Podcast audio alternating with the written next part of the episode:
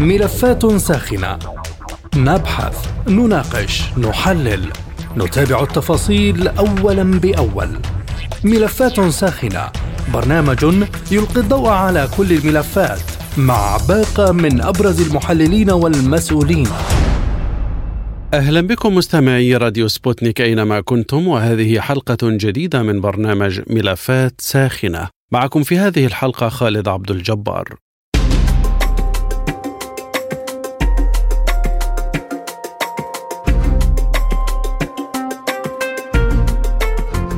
أصبح انقلاب الجابون محطة جديدة من محطات الانقلابات التي تشهدها دول غرب إفريقيا وتأتي بعد أقل من شهر من الانقلاب الذي شهدته النيجر.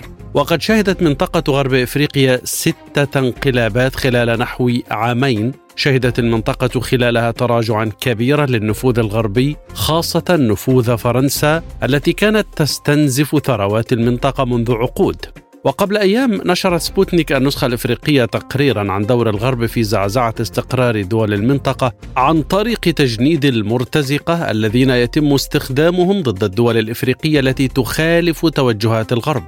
وتحدث التقرير عن التدخل الفرنسي في الدول الإفريقية التي تخالف السياسات الفرنسية. ففي غرب إفريقيا كان للمخابرات الفرنسية في ستينيات القرن الماضي دور كبير في اغتيال بطل الاستقلال الكونغولي باتريس لومومبا الذي كان أول رئيس وزراء منتخب للبلاد ثم دعم خلفه مويز تشومبي.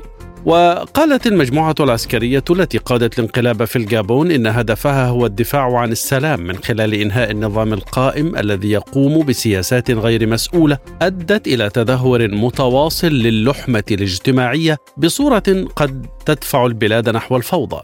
وجاء ذلك بعد إعادة انتخاب الرئيس علي بونغو الذي يحكم الجابون منذ نحو 14 عاما لولاية ثالثة. على صعيد متصل قال مسؤول السياسة الخارجية في الاتحاد الأوروبي جوزيف بوريل الخميس إنه لا يمكن مقارنة الانقلاب العسكري في الجابون بالانقلاب في النيجر مشيرا إلى أن العسكريين في ليبرفيل تدخلوا بعد انتخابات شابتها مخالفات. وأضاف مسؤول السياسة الخارجية في الاتحاد الأوروبي قائلا الوضع في النيجر والجابون ليس مماثلا بتاتا.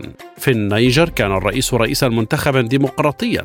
في الجابون قبل ساعات من الانقلاب العسكري حصل انقلاب مؤسساتي لأن الانتخابات سرقت.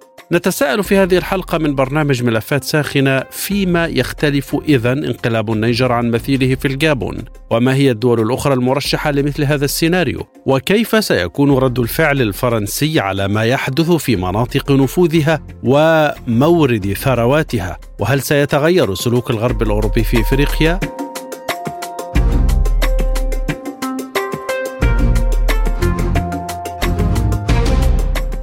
أرحب بضيفي هذه الحلقة من برنامج ملفات ساخنة من القاهرة اللواء محمد عبد الواحد خبير الشؤون الإفريقية ومن بيروت الدكتور جمال وكيم أستاذ العلاقات الدولية بالجامعة اللبنانية مرحبا بكما وأبدأ معك سيادة اللواء محمد عبد الواحد من القاهرة وأسألك هل انقلاب الجابون كان متوقعا بعد انقلاب النيجر؟ نعم كان متوقع وكل الشواهد كانت بتدل على ذلك آه الأزمة موجودة الحقيقة منذ فترة طويلة أسرة آه عمر بونجو متواجدة في السلطة من سنة 67 آه عمر بونجو كان بينتمي إلى أقلية اسمها باتيكي أو باتيكي. دي موجودة في على الحدود مع آه جمهورية الكونغو. ومن قرية آه اسمها ليواي سموها بعد كده بونجوفيل. على وزن ليبرفيل العاصمة. آه هذه الأقلية استطاعت إنها آه تحصل على السلطة على الثروه بالكامل، ولادهم هم اللي بيتعلموا آه أكثر وبالتالي آه سيطروا على النفوذ في البلد والسلطة والثروة حتى تركيبة الجيش نفسه كلها من آه باتيكي آه الجيش الاستخبارات الخارجية كل الدولة بالكامل. وبالتالي آه ظهر وجود فساد كبير في الدولة في فترة الثمانينات والتسعينات وبدأ الحديث عنه لغاية ما جينا في 2008 وبدأت قضية كبيرة تظهر سميناها أزمة العقارات ولقوا إن أسرة بانجو عندها عقارات كثيرة جدا أكثر من 39 عقار من العقارات الغالية جدا في باريس ومجموعة حقوقية رفعت قضايا أمام القضاء الفرنسي واتهمت الحقيقة في ثلاث رؤساء جمهوريات بوجود ثروات لهم في هذه المنطقة. آه وبدأت هنا الأزمة وخدت أبعاد. ثم جاء آه ابنه علي بونجو بترتيبات من فرنسا واستمر في الحكم ربما حاول إنه آه يعمل شوية إصلاحات في بداية حكمه. لكن انتخابات 2016 كانت هي القشة التي قصمت ظهر البعير. حدث تزوير شديد في هذه الانتخابات. الدولة أو الشعب اعترض ونزلت مظاهرات تم آه، يعني مقاومة هذا التظاهر بالقوة وفي حدث سقوط آه، جرحى وقتلى بين صفوف المواطنين. وبدأ يبقى في حالة غليان في الشارع.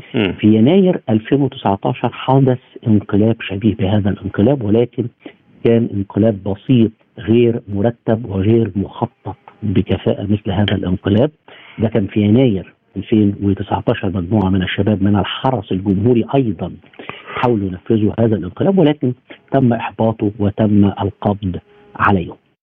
أنت تشير إلى أن الأوضاع في الجابون كانت تهيئ لحدوث انقلاب منذ وقت بعيد، هل انقلاب النيجر هو الذي ساعد على تسريع وتيرته إذن؟ طبعا هو انقلاب النيجر شجع هيشجع ناس كثيره جدا هيشجع ناس كثيره جدا عندها نفس الظروف.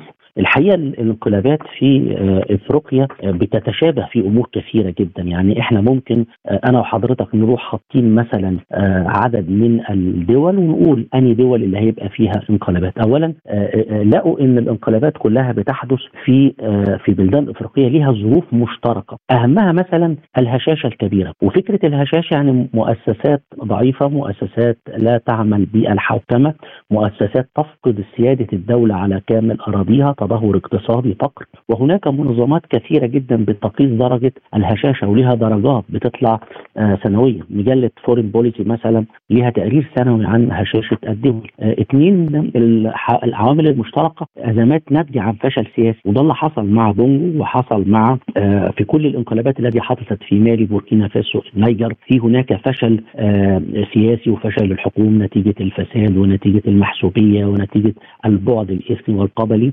ثلاثة في عامل مشترك وهو توتر العلاقات المدنية العسكرية ده كان موجود في الثلاث انقلابات ما الفارق بين انقلاب النيجر وغيرها من الانقلابات التي أشرت إليها سيادة اللواء؟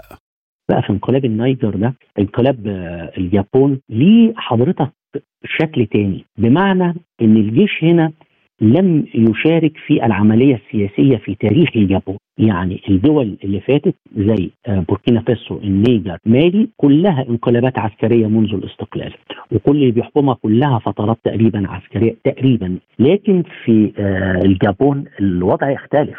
إن الدولة دي لم تشهد تدخل الجيش في السياسة على مدى تاريخها. عدا فترة 48 ساعة سنة 64 تم الانقلاب العسكري على أول رئيس منتخب بعد التحرر الوطني سنة 64 وكان عمر بونج على فكرة ساعتها كان عنده 27 سنة كان مدير مكتبه. وتم آه، اعتقال الرئيس واعتقال عمر بونجو نفسه لمدة 48 ساعة وتدخلت القوات الفرنسية استدعت فرق مظلات لها من الكونغو برازافيل ومن السنغال وتم آه، القبض على الانقلابيين و عودة الرئيس مرة أخرى وعمر بونجو الرئيس كافئه وعينه فيما بعد نائب لرئيس الدولة.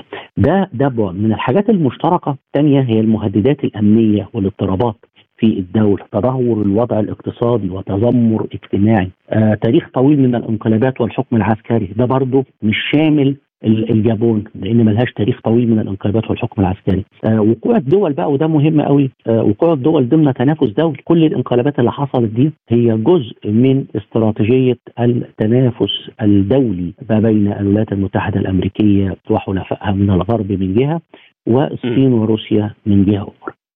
أنت قلت إن هناك دولا مرشحة في هذا النطاق الجغرافي لحدوث انقلاب مثل من؟ لو أنا طبقت على الدول على الأمور المشتركة اللي إحنا قلناها الست بنود دول هنلاقي إن الحالة دي متكررة في دول آه، فيها ديمقراطية ربما تكون آه، موريتانيا عندها ديمقراطية. آه، خلي بال حضرتك إن الصراع دلوقتي ما بين النظم الديمقراطية يعني الحرب أو الصراع ما بين الديمقراطية والديكتاتورية ما بين الديمقراطية والشمولية. لكن في الآخر أصبح الحزام الساحل كله حزام انقلابي. ده, ده شكل كمان محور انقلابي. يعني لو بصينا للانقلابات في المنطقة تلاقي السودان تشاد النيجر مالي بوركينا فاسو غينيا كله بقى محور انقلابي عسكري. طب ما هنا في علامة استفهام عشان أفهم هذا الموضوع. هل هو الصراع أو التنافس الدولي لما بين الديمقراطيات وما بين الديكتاتوريات والنظم العسكرية؟ دي نقطة مهمة جدا في أصل الصراع. الأنظمة كلها بقى أصبحت أنظمة آه، ديكتاتورية أو أنظمة عسكرية تهدد القيم الديمقراطية الموجودة في المنطقة. نعم لكن سؤالي سيظل كما هو دول مثل من سيادة اللواء؟ عندي آه آه عندي دول الحقيقة من ضمن الثلاث دول اللي كانوا متهمين بالفساد مثلا.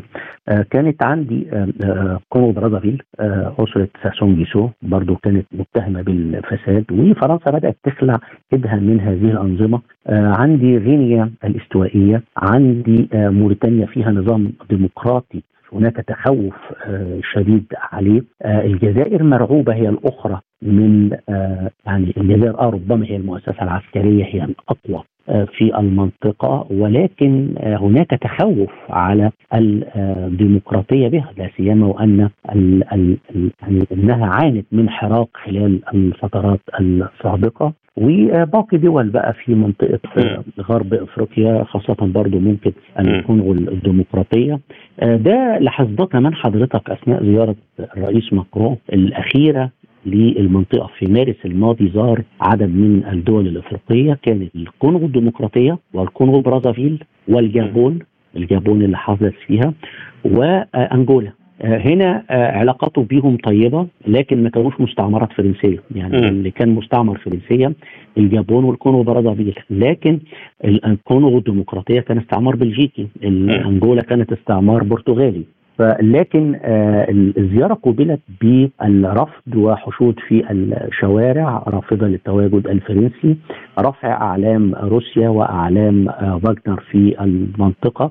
ودي كانت ظاهرة آه، غريبة الحقيقة يعني ذكرها حتى الرئيس ماكرون في خطاباته خطابات الرئيس ماكرون كلها حتى الحقيقة لا تخلو من النقد الذاتي لسياسة فرنسا تجاه إفريقيا ويحاول أن يصلح ما أفسده التاريخ ودائما يستخدم لفظ نو نو بالفرنساوي يعني نحن آه، في محاولة لعدم إلصاق تهمة الفشل مع إفريقيا له هو وحده ولكن لكل من سبقوه لتراكمات من السياسات الخارجية تجاه آه، إفريقيا.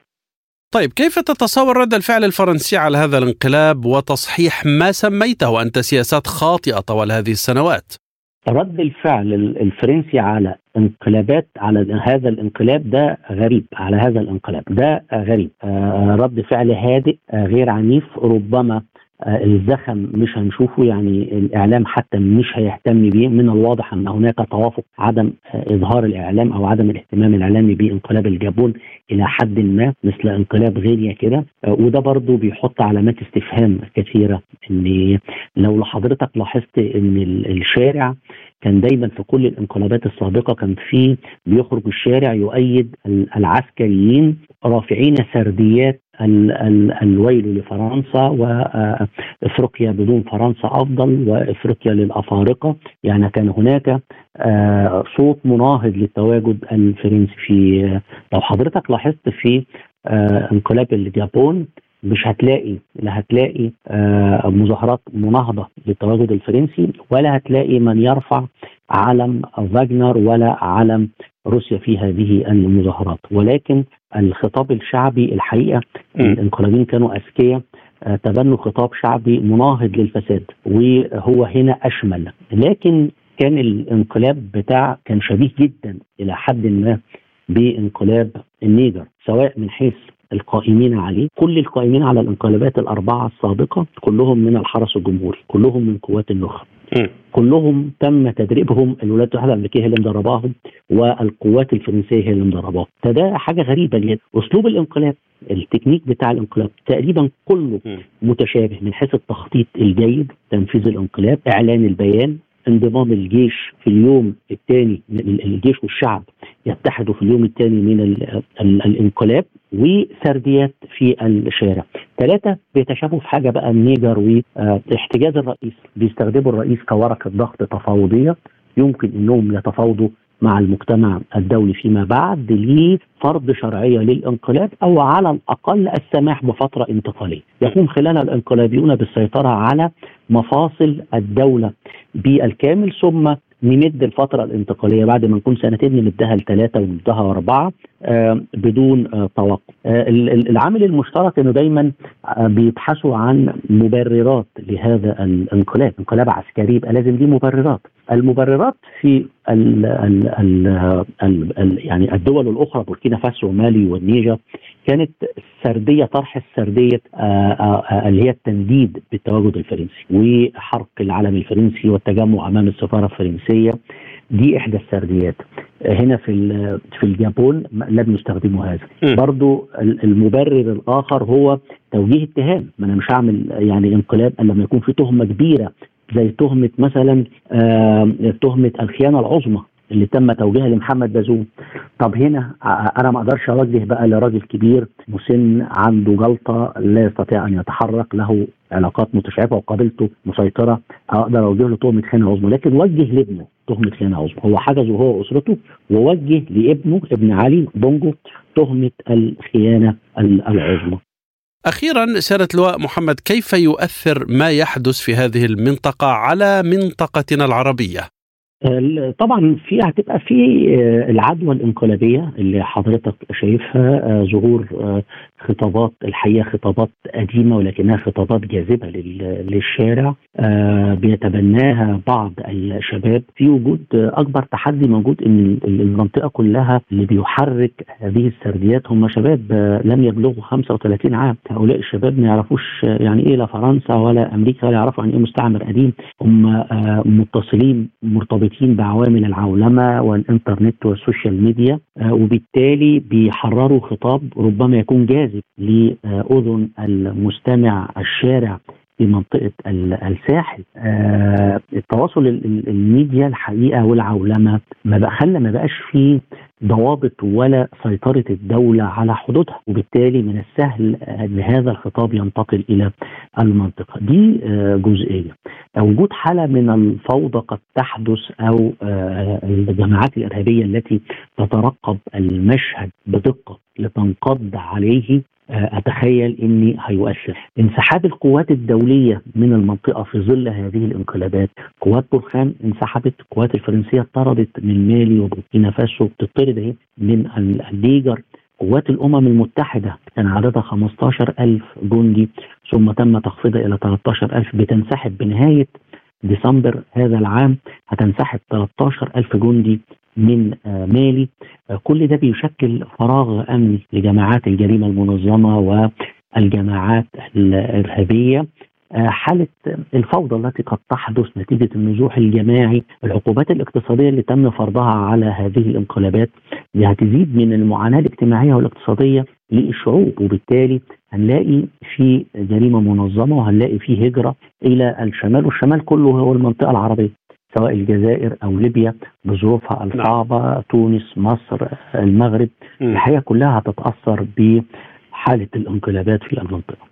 شكرا سيادة اللواء محمد عبد الواحد خبير الشؤون الإفريقية من القاهرة.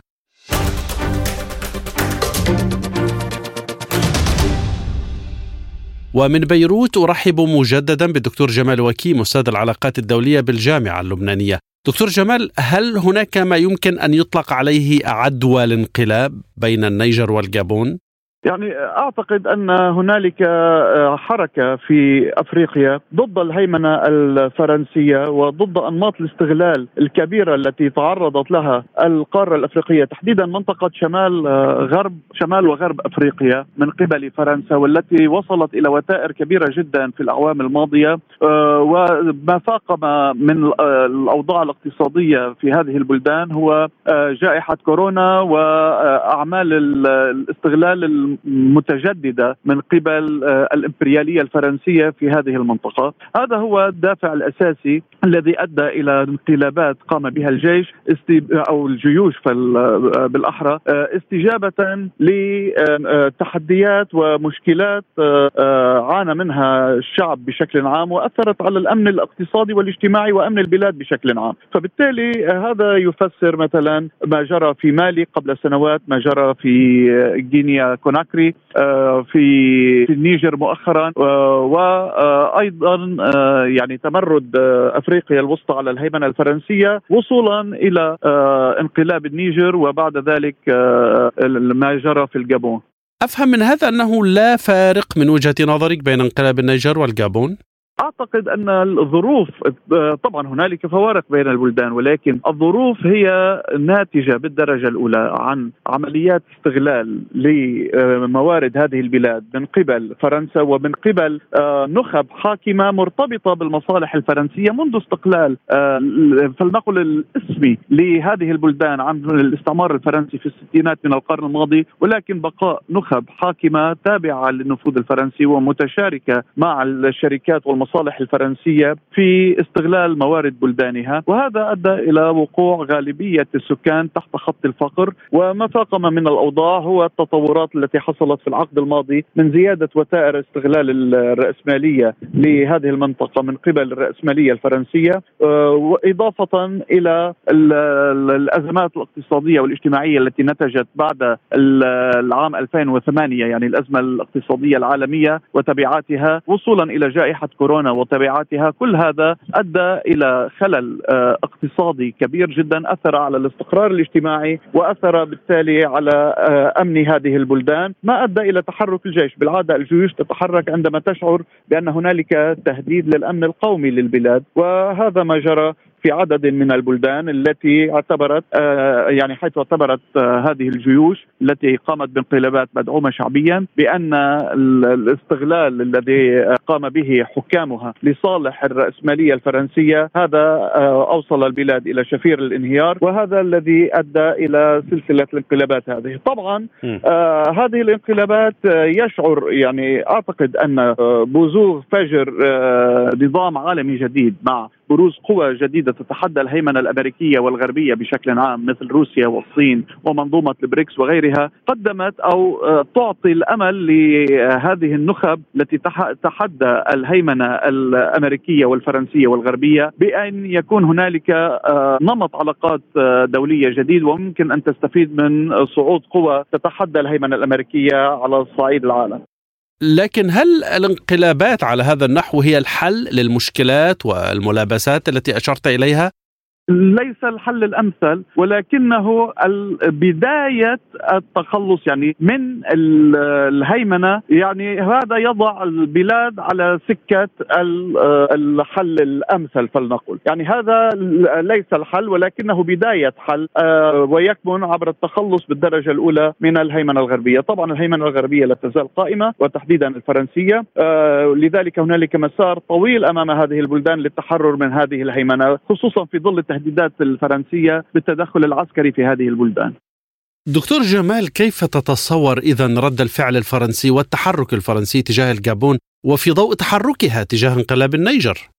يعني آه، بتقديري أن فرنسا حاولت احتواء الانقلاب الذي جرى في مالي آه، والذي أخرجها يعني من مالي ونقلت جنودها إلى النيجر، الآن مع ما حصل في النيجر كان هنالك تهديدات بالتدخل العسكري عبر غطاء آه، منظمة آه، غرب أفريقيا إيكواس ولكن الانقلاب في الجابون يزيد من حجم التحديات التي تواجهها فرنسا خصوصا في ظل استعداد قوى دولية مثل روسيا بالدرجة الأولى وإقليمية مثل الجزائر بالتدخل لمنع فرنسا من أن تكون طليقة اليد بالتصرف في منطقة غرب أفريقيا.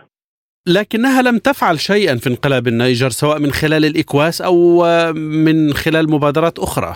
يعني أنا بتقديري أن تحرك الجابون أفشل مساعي الفرنسيين للتدخل العسكري في النيجر لأنها عندما كانت تتحرك عندما كانت باريس تتحرك لاحتواء أو القضاء على التمرد الذي حصل في الجابون ضد هيمنتها فأنها واجهت تحديا جديدا خصوصا في ظل حضور كما قلت الجزائر وروسيا في منطقة غرب أفريقيا وعلى الأخص حضور مجموعة فاغنر العسكرية التي أعلن رئيسها السابق وأعتقد أن هذا ينطوي أيضا أو ينطبق على من سيتسلم قيادة المجموعة الآن. أعلنت المجموعة بأنها مستعدة لدعم هذه الحركات ضد الهيمنة الفرنسية. يعني بتقديري أن أي تدخل فرنسي لن ينجح بإعادة الهيمنة على هذه البلدان ولكن في من مخاطر هذا التدخل أنه قد يوقع هذه البلدان في حروب أهلية الرد الفعل الفرنسي هنا ينفصل عن رد الفعل الأوروبي دكتور؟ يعني أوروبا من يقود السياسة الفرنسية في أو السياسة الأوروبية في أفريقيا هي فرنسا بالدرجة الأولى بحكم ميراثها الاستعماري الكبير في هذه المنطقة وتحديدا في منطقة غرب أفريقيا، لذلك هنالك خشية من قبل إيطاليا بالدرجة الأولى وألمانيا بالدرجة الثانية من أن تدخلا فرنسيا في هذه المنطقة قد يؤدي إلى حالة لا استقرار تدفع أو تؤدي إلى تدفق كبير للهجرات من هذه المنطقة باتجاه أوروبا وهو ما لا تريده لا إيطاليا ولا آه ألمانيا، لذلك نجد أن المسؤولين في هذين البلدين يتميزان وخصوصا في إيطاليا بموقفهما عن آه فرنسا، ولكن هنالك أيضا المصالح الرأسمالية للشركات الفرنسية وهي شركات أوروبية بالنهاية وعابرة آه يعني عابرة للحدود ترانسناشونال فبالتالي يعني من من مصلحة أوروبا أيضا أن تبقى فرنسا مهيمنة في منطقة غرب أفريقيا لأن استغلال الموارد في هذه المنطقة يعود بالنفع على مجمل أوروبا، هنالك تناقضات في الموقف الأوروبي ولكن بالدرجة الأولى فإن من يقود السياسة الخارجية للاتحاد الأوروبي في أفريقيا هي فرنسا. طيب دكتور جمال دعنا نتوقف عند تصريح لجوزيف بوريل اليوم من إسبانيا يقول فيه إن الجابون تختلف عن النيجر وأن بونغو هو الذي أقدم على انقلاب مؤسساتي قبل أن ينقلب عليه العسكريون وكأنه يلتمس العذر للانقلاب العسكري، كيف تعلق؟ يعني هنا يحاول احتواء الموقف ويحاول أن يعطي أو يمد يده إلى قادة الانقلاب في الجابون حتى لا يتضامنوا مع الانقلابيين أو قادة قادات الانقلاب في بلدان أخرى. لذلك يعني خصوصا أن مسألة علي بونغو كانت فاقعة، فهذه الأسرة تحكم الجابون منذ العام 1960 كان والد علي بونغو هو عمر بونغو الذي حكم البلاد لمدة أربعة عقود وبعد ذلك جاء علي بونغو على وعد بأن يتم الانتقال إلى ديمقراطية ينتقل فيها الحكم من هذه الأسرة. لكننا نجد أن هذه الأسرة لا تزال تحكم. لذلك فإن يعني من يمثلون السياسة الأوروبية الذين يدعون بأنهم يؤمنون بالديمقراطية وحقوق الإنسان وما إلى ذلك لا يستطيعون الدفاع عن شخص مثل علي بونغو بحجة الديمقراطية. لأن مثاله فاقع في أنه مخالف للديمقراطية وهذا الموقف يتسق مع الموقف الفرنسي؟ لا يتسق ولكنه يحاول احتواء قادة الانقلاب ويحاول أن يمد خيوط مع قادة الانقلاب عسى ألا يقوم هؤلاء بالتضامن مع النيجر ومالي وغيرها من البلدان بالخروج عن الهيمنة الفرنسية دكتور جمال أخيرا ماذا بعد الجابون؟ هل هناك دول مرشحة للانقلابات في هذه المنطقة؟ يعني هنالك حديث عن تشاد عن السنغال عن كينيا وعن أوغندا لأن هذه الدول قد لأنها تعاني من أزمات اقتصادية عميقة جدا وبالتالي فاننا قد نشهد حراكا مماثلا. شكرا لك دكتور جمال وكيم أستاذ العلاقات الدولية بالجامعة اللبنانية من بيروت والشكر لكم مستمعينا الكرام. للمزيد زوروا سبوتنيك dot ae. مستمعينا بهذا نصل وإياكم إلى نهاية هذه الحلقة من برنامج ملفات ساخنة. طابت أوقاتكم وإلى اللقاء.